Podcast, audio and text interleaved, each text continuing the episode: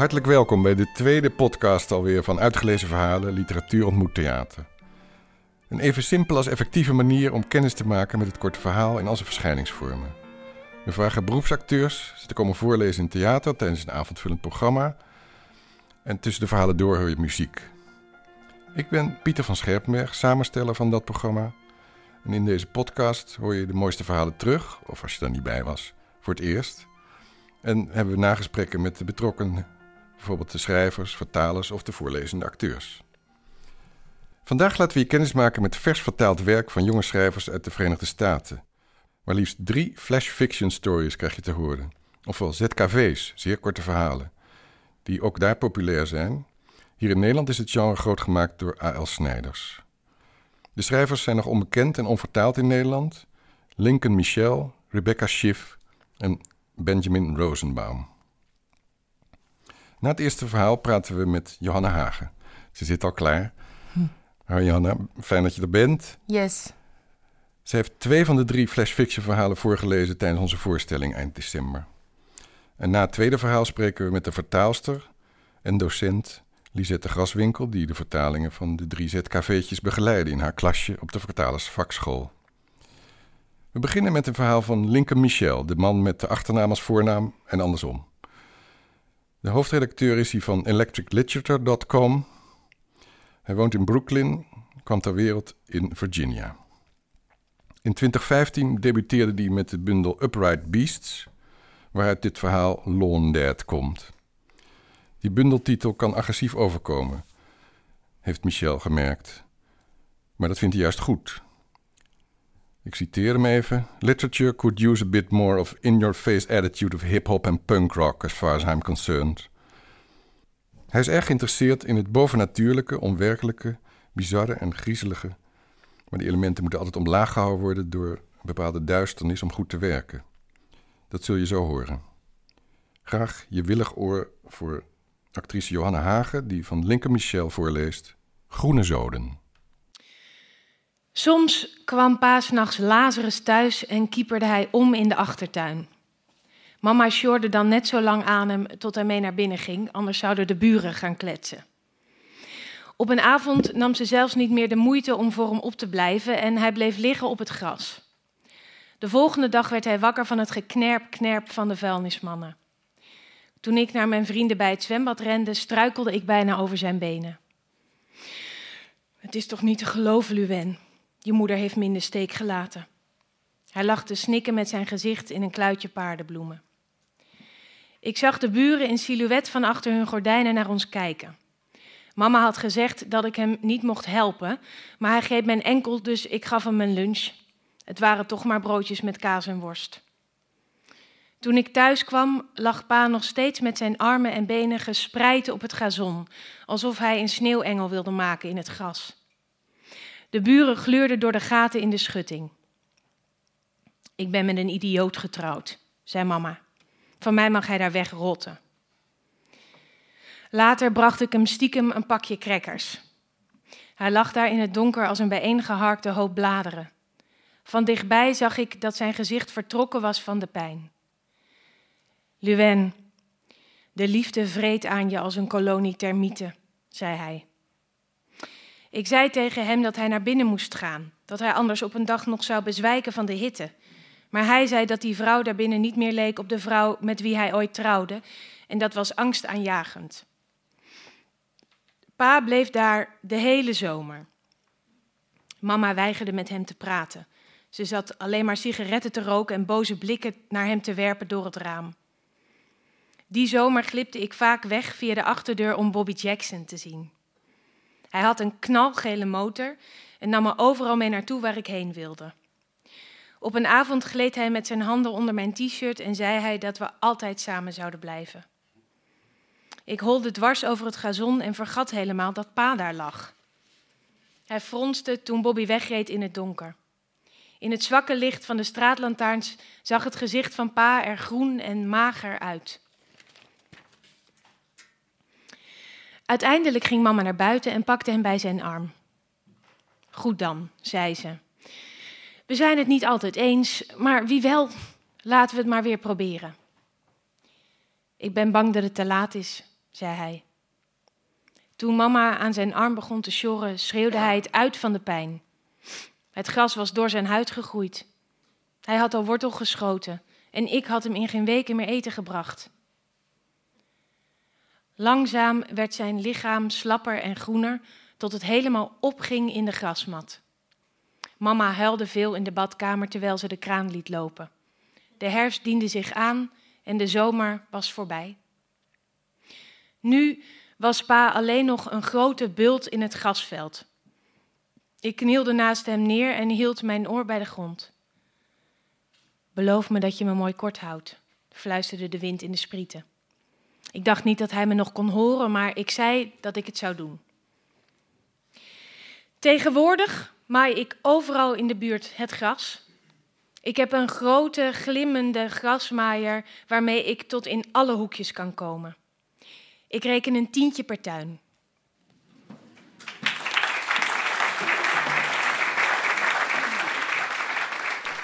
Dat applaus klonk voor jou, Johanna.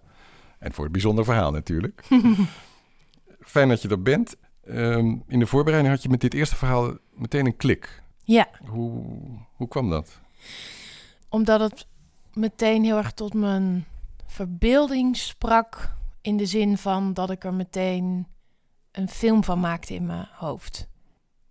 Het is een heel kort verhaal, maar het, het schept echt een hele wereld. En die heb ik ook helemaal voor me gezien, zeg maar. Het, wordt, het is op een bepaalde manier heel zintuigelijk Mhm. geschreven. Dus het is... Ja, ik, ik, eh, ik voel dat natte gras en, Ja. eh, ik, en ik ruik het ook. En ehm, ik zie mijn eigen vader een beetje liggen in, in eh, onze kleine buurtuintje, Ja. zeg maar. ja, En is dat beeld en de filmische ook makkelijker voor jou om voor te bereiden? Is het dan nou, anders dan een abstracter verhaal? Of- kijk, bij een abstracte verhaal moet ik gewoon ietsje meer moeite doen. Mhm. Maar dat, hoeft, dat is natuurlijk ook helemaal niet erg. Nee. Maar bij een abstracte verhaal eh, kan ik nog wel eens denken... Hé, ik snap het niet. Oh, hier ben ik te dom voor. Nee. Snap je wat ik bedoel? En dan ga je het nog een keer lezen. En dan is het eigenlijk een ontzettend mooi verhaal. Ja. En dan is het ook wel weer heel leuk om dat dan zo op de, op de grond te zetten. Ja. Ik. Dat je dat als luisteraar, als je het luistert, dat je dat dus niet hoeft te denken. Die Ja. eerste gedachte, oh, dit snap ik niet, hier ben ik te dom voor. Snap je wat ik Ja. bedoel? Ja. Dus dat is dan mijn taak. En dat vind ik dan ook wel weer heel erg leuk. Ja. Oké. Het tweede verhaal wat we zo gaan horen is ook flash fiction. En dat la- Flash fiction. Ja, dat las je dus ook voor. Vandaar dat we je daartussen nu eh, spreken. Mhm. Dat is van Rebecca Schief, ook een debuut.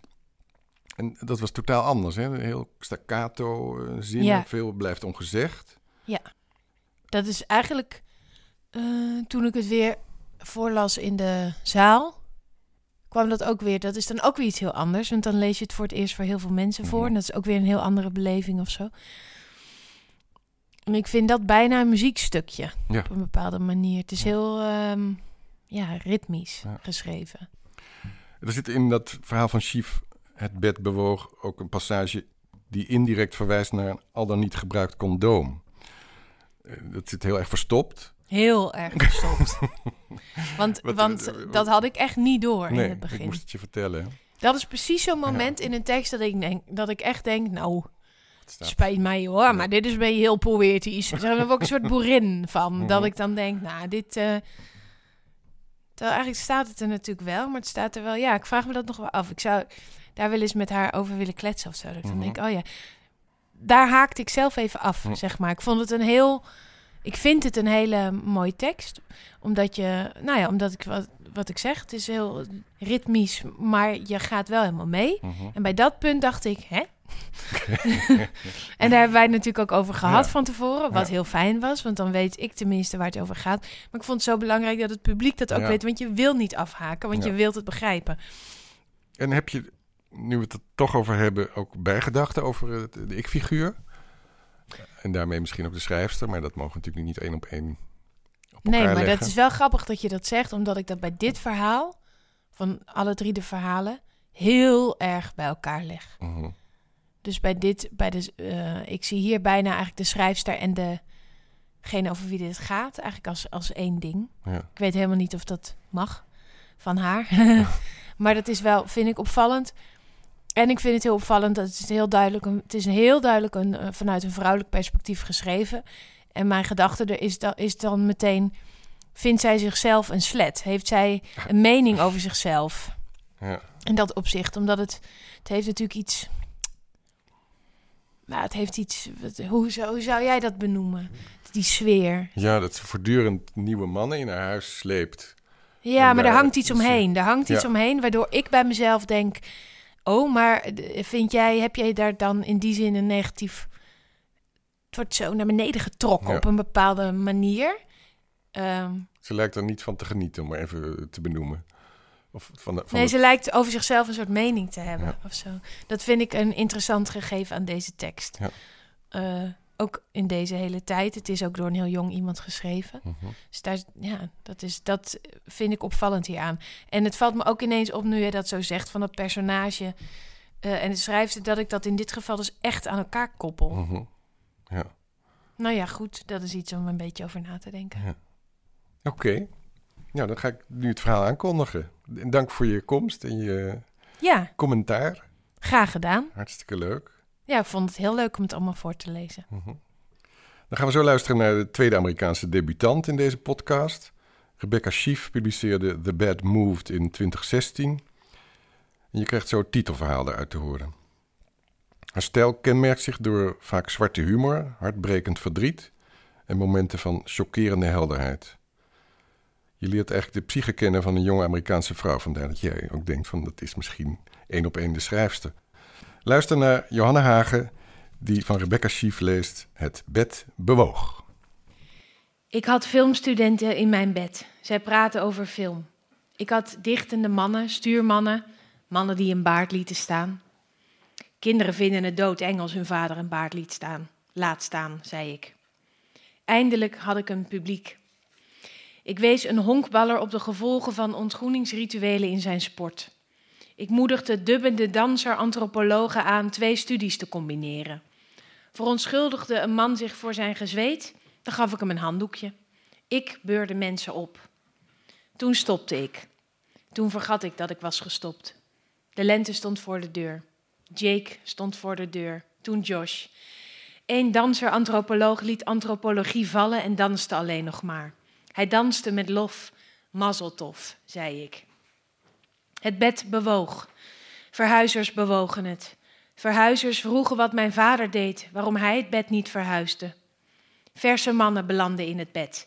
Verse mannen waren ooit golfsoldaten, waren ooit biseksueel, hadden tanden getrokken, hadden bijstand getrokken. Muzikale types lieten cd's achter met hun naam erop. Ik stapelde ze op. Ik deed mijn best ze niet te bevlekken, ze niet te bekrassen. Eh, Kras dat maar door, ik, ik deed mijn best niet. Zoveel muzikanten in deze stad, constateerde ik, topless. Boxershorts slingerden rond als wasgoed, slingerden rond hun lijven. Mannen doken onder de dekens, doken te vroeg weer op, glimlachten. Had ik iets te pakken? Had ik wat dan ook beet? Dat had ik. Iets, wat dan ook, ging in de vuilnisbak, behalve eentje, die niet. Eentje was überhaupt niet omgegaan. Na afloop jengelden ringtones Don't worry, be happy, mariachi medley, die alone. Ongerust, ik was ongerust. Mariachi musiceerde in de metro of anders was er wel eentje die La Bamba speelde. Ik schuifelde wachtkamers binnen. Receptionisten zeiden dat ik me geen zorgen moest maken, dat ik van het weekend moest genieten. Maandag zouden we pas meer weten. Zondag flipte ik, bonkte mijn gezicht tegen het bed. Ik dacht, don't worry meid, be happy. Er was echt iets mis met me, ik noemde mezelf nooit meid. Ik draaide cd's, maar cd's van artiesten die al beroemd waren. Beroemd waren ze niet zomaar. Ze verspeelden hun tijd niet in mijn bed. Eentje belandde toch in het bed om op te scheppen. Hij was gescheiden, had Madonna ontmoet. Hij vroeg: Zijn alle vrouwen zo vandaag de dag?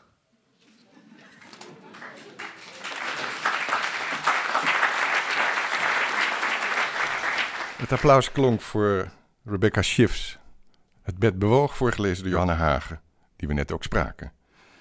Nu praten we verder met Lisette Graswinkel over de flash fiction verhalen in deze podcast. Lisette is literair vertaler en docent op de Vertalersvakschool in Amsterdam. Ze vertaalde onder meer van verhalen van Edith Wharton en werk van Joseph Conrad. Ik mag juf Lisette zeggen, toch? Jazeker. Welkom. Fijn dat je er bent. Dank je. Ik zat namelijk bij jou in het klasje in het vorige trimester en we kwamen samen op het idee om als groep drie zeer korte verhalen te vertalen uit het Amerikaans. Waarom vond je dat een goed idee? Ik vond het een heel goed idee, omdat wij ehm, tijdens deze lessen eh, aan de vertalersvakschool proberen heel veel meters te maken. Maar, eh, en heel veel onderdelen uh, te behandelen van het vertaalvak. En er komt van alles langs en aan bod. Maar meters maken is meer kwantitatief en je wil af en toe ook even op de vierkante millimeter aan de gang. En dat kan als je met korte verhalen werkt, die ook nog moeten worden voorgedragen. Dan ga je schaven aan het werk. En dan kom je erachter dat het best lang kan duren voordat je nou ja, op die briljante vondst komt. Of voordat het ritme helemaal klopt.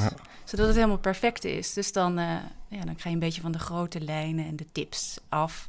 En dan ga je, ga je eigenlijk uh, aan het echte werk beginnen. Want je werk als uh, literair vertaler is niet alleen maar gewoon elke dag die, die 1500 woorden intikken. Maar ook uiteindelijk je eigen werk redigeren. Ja.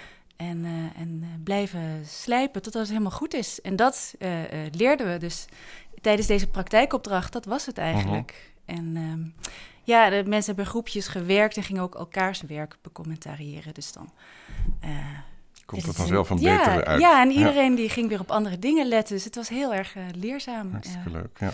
ja. dus voor de luisteraar nog even voor de Ik was zelf een van die studenten die meedeed. Het laatste verhaal wat u vandaag hoort is mede door mij vertaald. Maar dat vindt u allemaal in de notes, in de podcast notes, wie wat vertaald heeft. Um, dus je kijkt positief terug op het project, kan ik me voorstellen. Heel erg positief, ja. ja. En je was ook bij de, de, de voorleesavond mm -hmm. zelf in, in Deventer ja. op 28 december. Um, het was heel erg spannend. Ja. Vond jij dat ook niet? Ja, zeer spannend. Want we hadden er zo hard aan gewerkt. En, ja. je wilt, en dan kom je er pas achter of uh, elk woord op de juiste plek staat. En uh, als het dan ook nog wordt voorgedragen, dus nog wat anders dat mensen het lezen ja. op de bank met een kopje thee. Dus als het voorgedragen wordt, dan moet uh, die, die nadruk bijvoorbeeld die een acteur ergens legt, dat moet kloppen met wat wij in ons hoofd hadden. Dus we moeten het zo opschrijven dat dat ook goed gaat. Dus dat was wel, uh, ik vond het wel spannend. En? Ja. Wat kwam er voor je uit? Ging nou, het altijd goed? Dat niet? het. Uh, dus blijkbaar ook wel heel persoonlijk is wat je zelf hebt bedacht. Ja. En je hebt het zelf op een bepaalde manier uh, in je hoofd voorgedragen. En dat ja. het dan toch wel anders wordt. Dus iedereen maakt er toch zijn eigen verhaal Zo'n van. acteur maakt ja. dus zijn eigen interpretatie. De lezer, maar dus ook degene die het, die het voorleest. Dus uh, ja, ja, was leerzaam. Mooi, mooi. Leuk. Nou, het, het, verhaal dat we net als eerste hoorden was, had als oorspronkelijke titel Lawn Dead. En dat is vertaald als Groene Zode. Gaan we even heel micro, maar de titel is natuurlijk erg belangrijk. Je zou zeggen dat dat toch veel letterlijker kan.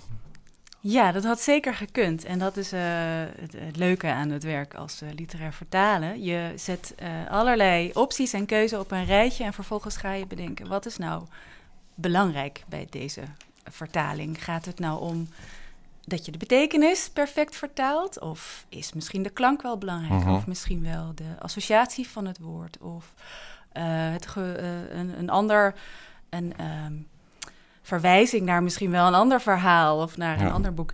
En uh, in dit geval hadden ze natuurlijk iets kunnen kiezen als uh, nou, grasvader, gazonvader of graspa. Ik denk dat graspa dan nog het leukst zou zijn geweest. Ja. Um, maar um, het verhaal werd natuurlijk voorgelezen. En als je nou goed luistert naar uh, Long Dead, dan zou je daar ook wel eens in kunnen horen Long Dead. Lang dood. Ja. Vertaal het even. Ja, dat lijkt daar toch eigenlijk best wel een beetje ja. op elkaar. En dat ergens in je achterhoofd als uh, um, uh, Engelstalige lezer ja. hoor je dat wel. Dus dat resoneert ergens. En de studenten hebben gezegd dat dat vinden wij net iets belangrijker. We willen dat die sfeer erin komt ja. en dat er dus al iets onheilspellends in zit. En dat uh, bij Groene Zoden heb je tegelijkertijd weer dat gewoon dat, dat hele onschuldige groene gazonnetje. Uh, die, en, en, dat is een belangrijk onderdeel, want we zitten ergens in een buitenwijkje met een uh, groen gazon. Ja. En dat onheilspellende van daar gaat iets mis, want groene zoden, dat kennen we natuurlijk wel van onder de groene zoden. Mhm. En in- maar vader is verdwenen. Dat is echt Ja. eh, best een beetje een radicale keus. ja. Ja. We horen dus in deze podcast vandaag drie voorbeelden van flash fiction. Die zijn heel verschillend, maar zijn er ook overeenkomsten te, te noemen? Ik Volgens jou? vond heel erg opvallend, ehm, en misschien is dat wel bij elk kort verhaal zo, dat eh, elk woord telt. eh, al juist omdat het zo kort is. Mhm. En ehm, ritme is heel erg belangrijk. Ja. En dan krijg je dat voorlezen eh, ook weer. Erbij. Ja, dus dan wordt het nog belangrijker. Ja. Maar sowieso zijn, was het ritme in deze verhalen heel erg belangrijk. En daar konden we eigenlijk pas heel goed aan werken in de allerlaatste redactiefase.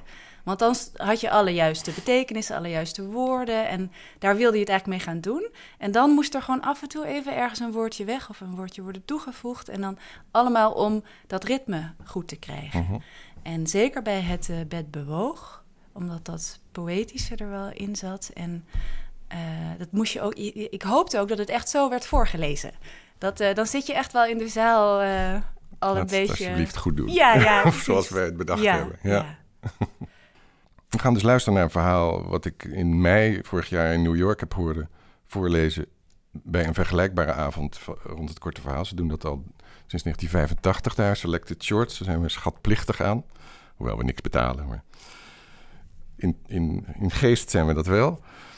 Ehm, ik vond het toen een geweldig verhaal en dacht meteen, oh, dat wil ik ook eh, bij ons in Nederland in theater laten horen.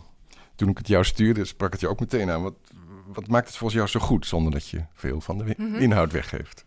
Ja, volgens mij, wat er zo aantrekkelijk aan is, is dat je een, eh, een eh, heel absurd gegeven hebt. eh, wat we nog niet verraden. maar vervolgens ehm, heel. Je, je gaat het toch geloven. En het wordt in heel plechtige taal eigenlijk beschreven. En dat maakt het grappig, want dan zit er een soort contrast in. En het is net zoals als je een gerecht bereidt. Het moet niet alleen maar zout zijn of alleen maar zoet. Nee. Er moet een beetje zout en een beetje zoet in.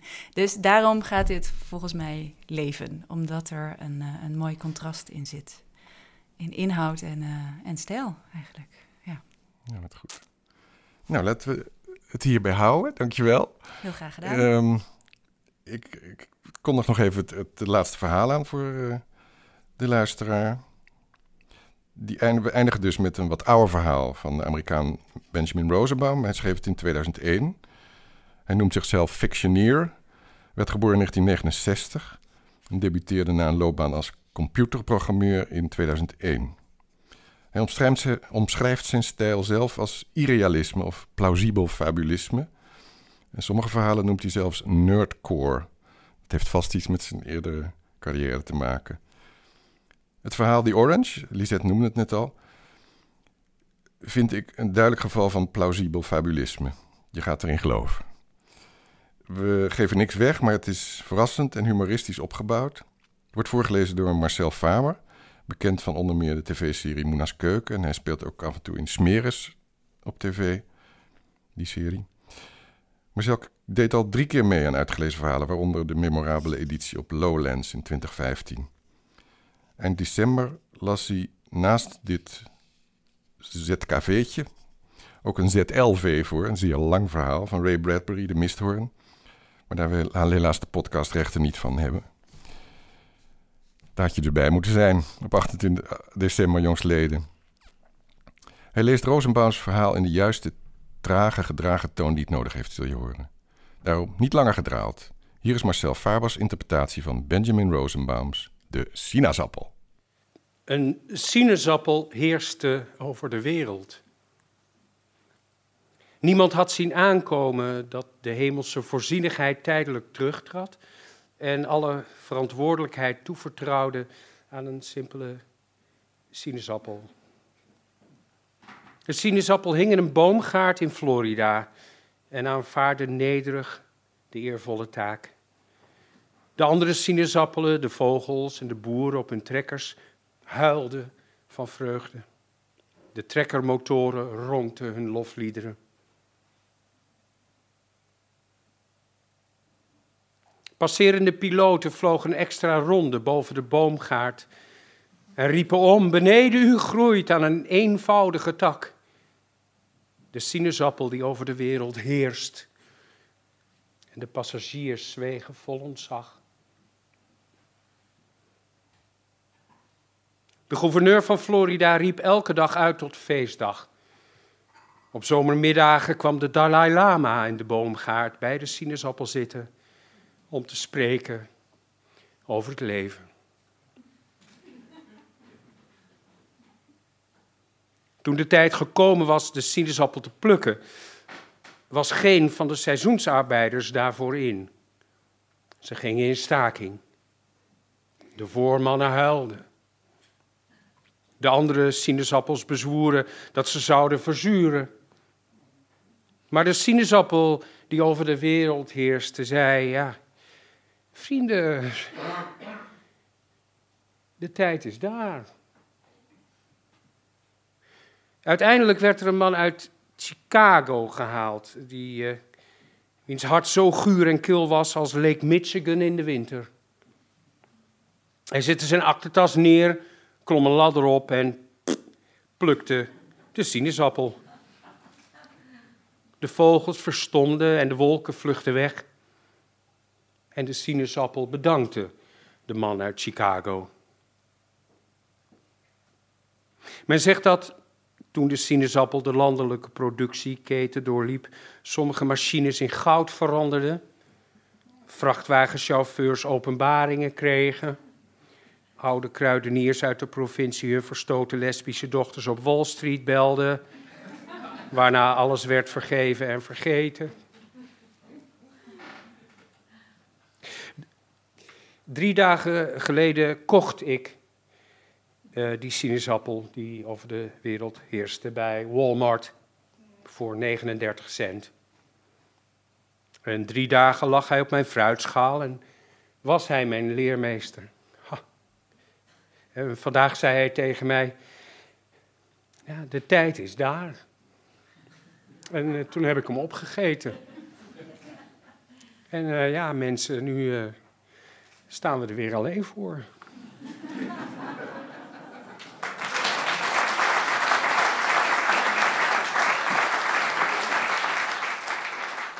Dat applaus klonk voor Marcel Faber, die het verhaal De Sinaasappel van Benjamin Rosenbaum voorlas op 28 december vorig jaar in Theater Bouwkunde Deventer.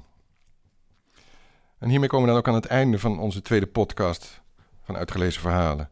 Graag wijs ik je op ons theaterprogramma, waarover je meer vindt op uitgelezenverhalen.nl. En kom als je kunt in elk geval naar onze editie van vrijdag 11 mei, met als thema De Moeder want twee dagen later is het moederdag. Hoei boei, zou Gerard Reven schrijven. De acteurs zijn nu nog niet bekend, maar de muzikant wel. Lotte Pen speelt op haar saxofoon. Je kunt erbij zijn in Theaterbouwkunde Deventer, die ook de kaartverkoop verzorgt. Theaterbouwkunde.nl Onze volgende podcast hoor je op begin april. We gaan dan terug in de tijd, naar het begin van de 20e eeuw, met een kort verhaal van Herman Heijermans gelezen door Daniel Cornelissen, de acteur. En Hans Goedkop, bekend van andere tijden op tv, komt met ons praten na afloop over de schrijver en diens werk. Hij weet daar veel van, omdat zijn proefschrift in 1996 een biografie was van Herman Heijmans, onder de titel Geluk. Abonneer je op onze podcast en je krijgt vanzelf bericht als de volgende aflevering klaar staat. En, heb je genoten?